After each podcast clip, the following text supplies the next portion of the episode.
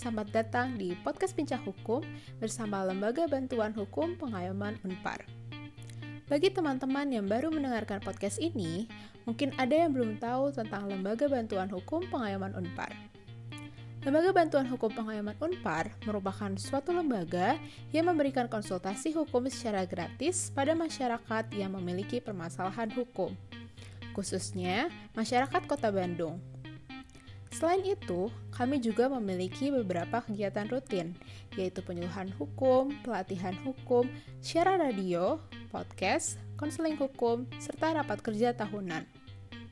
Berhubung saat ini kami tidak dapat menerima konsultasi hukum secara tatap muka, bagi teman-teman pendengar yang memiliki permasalahan hukum dan hendak melakukan konsultasi, dapat menghubungi kami melalui email di lbh www.pengayoman.unpar.ac.id atau melalui media sosial kami untuk Instagram di @lbhpengayoman, Twitter @lbh_pengayoman, dan Facebook di LBH Pengayoman.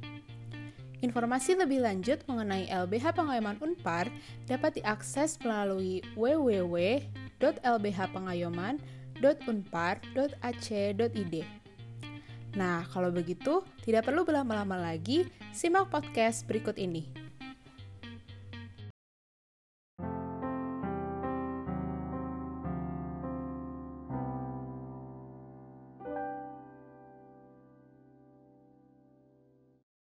Halo para pendengar podcast, kembali lagi di podcast Bincang Hukum bersama LBH Pengayoman Unpar.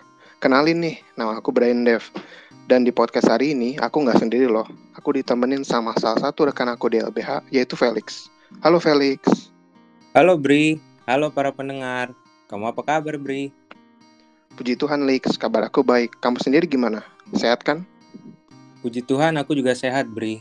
Oh iya Bri, beberapa bulan yang lalu aku sempat membaca berita mengenai maklumat Kapolri yang mengatur tentang organisasi masyarakat yaitu FPI. Apakah kamu tahu tentang hal tersebut, Bri? Oh iya, aku tahu sih. Kalau nggak salah itu awal tahun 2021 ya, ada terbit maklumat dari Kapolri yang isinya tentang pelarangan kegiatan dan aktivitas FPI. Tapi aku cuma dengar aja sih, aku nggak paham secara lebih detail. Aku juga kurang memahami hal itu secara lebih detail, Bri. Tapi uh, mengenai berita ini dan maklumat ini begitu menarik untuk dibahas. Dan untungnya saja, salah satu rekan kita sudah meneliti dan mempelajari maklumat Kapolri ini secara lebih mendalam. Langsung saja kita panggilkan, halo Dava. Halo Felix, halo Brian. Halo juga Dav. Aku sebenarnya penasaran sih, kenapa kamu tertarik untuk membahas topik ini? Oke, uh, jadi sebenarnya aku tuh di sini pengen uh, mengedukasi masyarakat tentang uh, permasalahan atau ketidaksesuaian uh, yang ada dalam maklumat Kapolri uh, nomor MAK garis miring 1 garis miring Romawi 1 garis miring 2021. Uh, mungkin masyarakat awam kan melihatnya kayak oh oke okay, gitu. Uh, Kapolri mengeluarkan maklumat kayak itu mungkin mereka melihatnya ada hal yang biasa aja gitu. Tapi kan kalau kita kaji dari uh, undang-undang dan hukum positif uh, sebenarnya ada beberapa permasalahan. Nah, di sini aku pengen ngejelasin tentang uh, kedudukan dan hierarki maklumat Kapolri uh, jika dikaji dengan Undang-Undang Nomor 12 Tahun 2011 tentang pembentukan perundang-undangan. Selain itu, aku juga bakal mengkaji isi dari maklumat Kapolri ini menggunakan konstitusi Indonesia yaitu Undang-Undang 45. Tapi selain dari permasalahan, uh, di sini juga aku mau ngebahas dari apa kayak sisi positifnya dari maklumat ini sih sebenarnya. Paling itu sih alasan yang ngebuat uh, kenapa aku mau uh, ngebahas tentang hal ini. Menarik sekali ya perbincangan kali ini. Dan sebelum kita lebih jauh nih membahas mengenai hierarki dari kepolisian, uh, Dava bisa menjelaskan tidak apa saja hal yang diatur dalam maklumat Kapolri ini dan apa yang menjadi poin penting dalam pembahasan kali ini? Oke, uh, jadi pada poin nomor satu tuh uh, pada dasarnya mengatakan bahwa Kapolri ini dibu uh, maklumat Kapolri ini dibuat berdasarkan keputusan bersama Menteri Dalam Negeri, Menteri Hukum dan HAM, Menteri Komunikasi dan Informatika, Jaksa Agung RI, Kepala Kepolisian Negara RI, dan Kepala Badan Nasional Penanggulangan Terorisme. Nah, lalu untuk yang nomor duanya, isinya guna memberikan perlindungan dan menjamin keamanan, serta keselamatan masyarakat pasca dikeluarkan keputusan bersama tentang larangan kegiatan penggunaan simbol dan atribut serta penghentian kegiatan Front Pembela Islam. Dengan ini, Kepala Kepolisian Negara Republik Indonesia mengeluarkan maklumat agar A. Masyarakat tidak terlibat baik secara langsung maupun tidak langsung dalam mendukung dan memfasilitasi kegiatan serta menggunakan simbol dan atribut FPI. B. Masyarakat segera melaporkan kepada aparat yang berwenang apabila menemukan kegiatan, simbol, dan atribut FPI, serta tidak melakukan tindakan yang melanggar hukum. C mengedepankan Satpol PP dengan didukung sepenuhnya oleh TNI Polri untuk melakukan penertiban di lokasi-lokasi yang terpasang spanduk atau banner, atribut, pamflet, dan hal lainnya terkait FPI dan masyarakat tidak mengakses, mengunggah, dan menyebarluaskan konten terkait FPI baik melalui website maupun media sosial. Nah, pada nomor 3 juga dituliskan bahwa apabila ditemukan perbuatan yang bertentangan dengan maklumat ini, maka setiap anggota Polri wajib melakukan tindakan yang diperlukan sesuai dengan ketentuan peraturan perundang-undangan ataupun diskresi kepolisian. Untuk poin penting dalam pembahasan ini sebenarnya uh, ada pada poin nomor 2A, poin nomor 2 huruf A, dan poin nomor 2 huruf D, dan poin nomor 3. Paling itu sih untuk eh, hal-hal yang diatur dan poin-poin penting dalam pembahasan kali ini. Oh, ternyata cukup banyak ya isi maklumatnya. Dan tadi kamu juga udah nyampein nih beberapa poin penting yang ada dari maklumat ini. Nah, dari penjelasan kamu tadi tentang isi dari maklumat ini, sebenarnya kira-kira apa sih permasalahan yang ditimbulkan dari adanya maklumat ini? Oke, sebelum aku jawab, mungkin aku mau nanya juga ke kalian, uh, menurut kalian fungsi polisi itu apa sih? Fungsinya untuk menjaga ketertiban dan keamanan masyarakat nggak sih? Ya, betul. Nah, jadi sebenarnya permasalahan yang timbul di sini adalah uh, fakta bahwa sebenarnya polisi itu memiliki peran sebagai penegak hukum, bukan sebagai legislator atau pembuat hukum. Dasar hukumnya ada pada pasal 2 Undang-Undang Nomor 2 Tahun 2002 tentang Kepolisian Negara Republik Indonesia yang bunyinya fungsi kepolisian adalah salah satu fungsi pemerintahan negara di bidang pemeliharaan, keamanan, dan ketertiban masyarakat, penegakan hukum, perlindungan, pengayoman, dan pelayanan ke kepada masyarakat. Nah, dari ketentuan tersebut uh, kita jadi tahu bahwa sebenarnya polisi tidak memiliki kewenangan untuk membuat hukum atau peraturan uh, yang mengikat keluar. Selain itu dalam konstitusi tidak disebutkan bahwa polisi dapat membuat hukum. Nah, akan tetapi dalam maklumat Kapolri ini polisi membuat sebuah aturan-aturan atau sebuah hukum yang isinya sudah saya jelaskan tadi. Paling itu sih permasalahan yang paling uh, terlihat secara jelas ya. Ternyata permasalahan ada ini cukup banyak juga ya, Dav. Dan sepertinya kalau misalkan nih, Dav, dikaitkan permasalahan dari terbitnya maklumat Kapolri ini dengan teori hukum seperti ilmu perundang-undangan. Apakah maklumat Kapolri ini sudah sesuai dari segi formal? Oke, uh, kalau kita mau melihat dari ilmu perundang-undangan, maka kita harus melihat pada hukum positifnya, yaitu pada Undang-Undang Nomor 12 Tahun 2011 tentang pembentukan peraturan perundang-undangan. Nah, e, untuk melihat itu, kita harus melihat kepada pasal 7 ayat 1 Undang-Undang Nomor 12 Tahun 2011 yang isinya jenis dan hierarki peraturan perundang-undangan terdiri atas A. Undang-Undang Dasar Negara Republik Indonesia tahun 1945 B. Ketetapan Majelis Permusyawaratan Rakyat C. Undang-undang atau peraturan pemerintah pengganti undang-undang. D. Peraturan pemerintah. E. Peraturan presiden. F. Peraturan daerah provinsi. Dan G. Peraturan daerah kabupaten atau kota.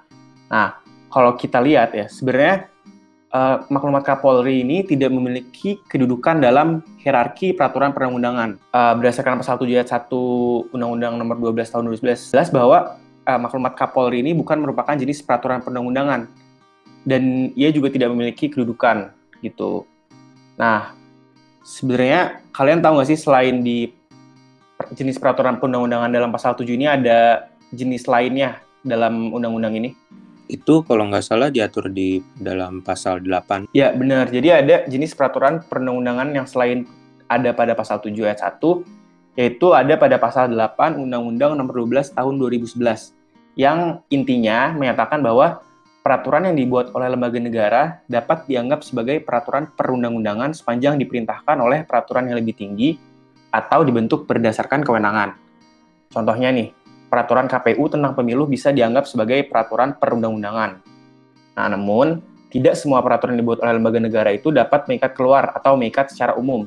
Contohnya, dalam peraturan Dewan Perwakilan Rakyat nomor 1 tahun 2020 tentang tata tertib dituliskan bahwa ia bertujuan untuk mengatur susunan dan kedudukan, hak dan kewajiban, serta pelaksanaan fungsi, wewenang, dan tugas DPR beserta alat kelengkapannya. Oleh karena itu, peraturan tata tertib DPR hanya berlaku secara internal, dan peraturan tersebut bukan merupakan peraturan perundang-undangan. Nah, kalau kita kaitin lagi nih, si maklumat Kapolri dengan pasal 8, maka dapat kita katakan uh, maklumat Kapolri ini bukanlah peraturan perundang-undangan juga, karena maklumat tersebut tidak diperintahkan berdasarkan peraturan perundang-undangan yang lebih tinggi. Seperti yang sudah saya jelaskan tadi pada nomor satu, maklumat ini dasarnya adalah SKB. Nah, maklumat Kapolri ini juga tidak dibentuk berdasarkan kewenangan, karena kepolisian tidak berwenang untuk membuat peraturan yang mengikat keluar.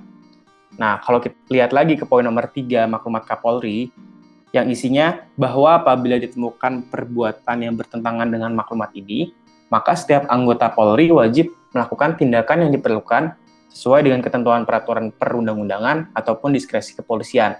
Sebenarnya uh, hal ini masih kurang jelas karena seharusnya walaupun ada perbuatan yang bertentangan dengan maklumat, tidak ada tindakan yang dapat dilakukan karena maklumat ini bukanlah peraturan perundang-undangan. Dan karena ia bukan merupakan peraturan perundang-undangan, maka ia tidak memiliki kekuatan hukum yang mengikat. Sehingga masyarakat tidak dapat diatur dan ditindak dengan dasar maklumat Kapolri nomor MAK garis miring 1 garis miring Romawi 1 garis miring 2021. Uh, paling untuk uh, segi formal sejauh ini uh, itu sih. Nah, Dav, dari penjelasan kamu tadi kan berarti kelihatan nih bahwa maklumat ini memiliki istilahnya ketidaksesuaian lah dari segi formal. Tapi kalau kita mau coba lihat secara lebih luas dari segi lain, misalnya dari segi substansi, kira-kira ada juga nggak sih permasalahan yang ditimbulkan? Ya, sebenarnya dalam maklumat Kapolri ini ada uh, peraturan yang membatasi hak berorganisasi yang ada pada poin 2A, yang isinya masyarakat tidak terlibat baik secara langsung maupun tidak langsung dalam mendukung dan memfasilitasi kegiatan serta menggunakan simbol dan atribut FPI poin 2A di atas uh, sebenarnya bertentangan dengan pasal 28E ayat 3 UUD 45. Pasal 28 ayat 3 UUD 45 menyatakan setiap orang berhak atas kebebasan berserikat, berkumpul, dan mengeluarkan pendapat. Dengan demikian, Undang-Undang 45 ini sebenarnya secara langsung dan tegas memberikan jaminan kebebasan untuk berserikat atau berorganisasi, kebebasan berkumpul, dan kebebasan menyatakan pendapat selain pada poin 2A, ada juga peraturan yang membatasi hak untuk memperoleh informasi. Pada poin 2D, disebutkan bahwa masyarakat tidak boleh mengakses, mengunggah, dan menyebarluaskan konten FPI. Hal ini juga tentunya bertentangan dengan UUD 45. Informasi publik merupakan salah satu hak asasi manusia yang telah diatur secara konstitusional dalam pasal 28F UUD 45 yang menjamin hak setiap orang untuk berkomunikasi dan memperoleh informasi dalam rangka mengembangkan pribadi dan lingkungan sosialnya.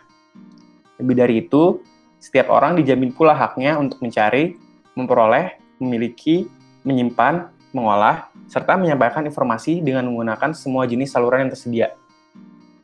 Uh, jadi terlihat bahwa substansi atau isi dari maklumat Kapolri ini bertentangan dengan UUD 45 yang melanggar HAM. Nah, akan tetapi bukan berarti hak-hak rakyat yang ada dalam Undang-Undang 45 ini tidak dapat dibatasi.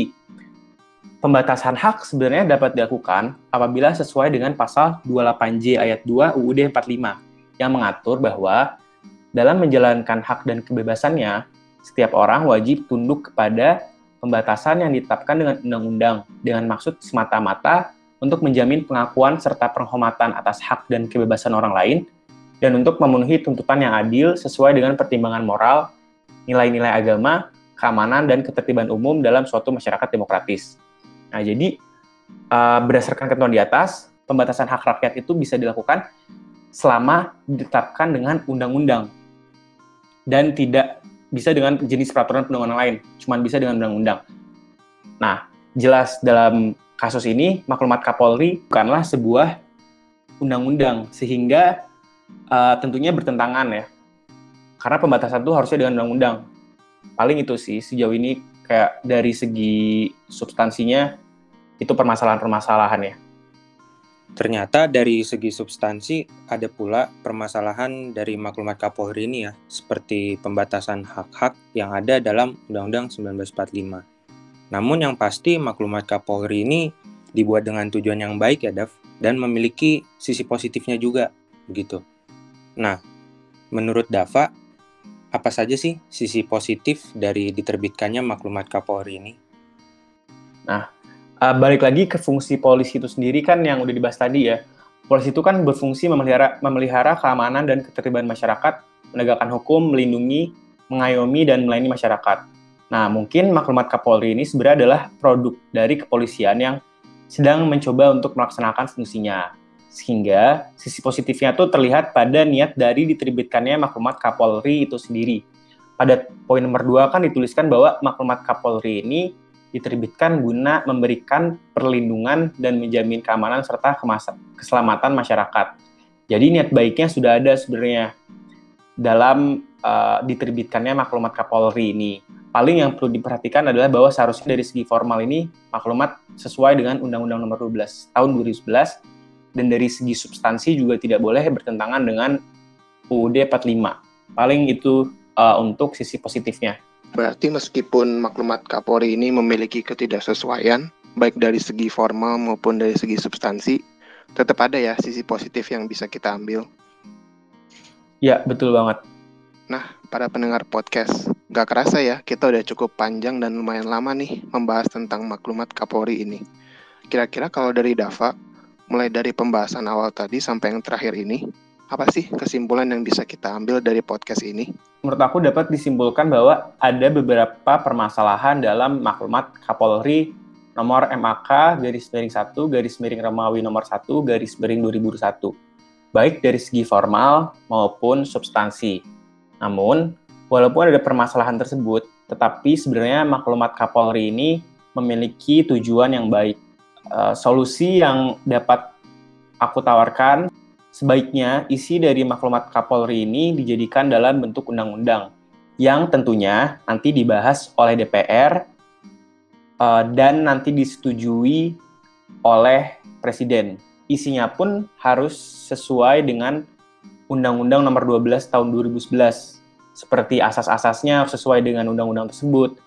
Lalu prosesnya pun harus sesuai seperti ada naskah akademik dan isinya juga tidak boleh bertentangan dengan konstitusi kita yaitu UUD 45. Uh, paling itu kesimpulan dari perbincangan kita hari ini. Aku juga setuju dengan pendapat kamu tadi, Dav. Dan ternyata topik perbincangan kita kali ini menarik sekali ya dan sampai tak sadar kalau misalkan kita sudah sampai di akhir podcast kali ini. Oke, sebelum menutup podcast kali ini, aku ingin mengucapkan terima kasih kepada Dava yang sudah menjadi narasumber pada podcast kali ini. Aku juga ingin mengucapkan terima kasih kepada para pendengar podcast yang selalu setia mendengarkan kami. Dan aku juga mengucapkan terima kasih kepada Brian Dev yang sudah menjadi rekan MC ku pada podcast kali ini. Dan berhubung kemarin adalah Hari Kemerdekaan Indonesia, aku mewakili dari LBH Pengayoman Unpar mengucapkan Selamat Hari Kemerdekaan Indonesia yang ke-76. Sekali merdeka, tetap merdeka. Demikian podcast kali ini. Terima kasih. Sampai jumpa. Salam sehat.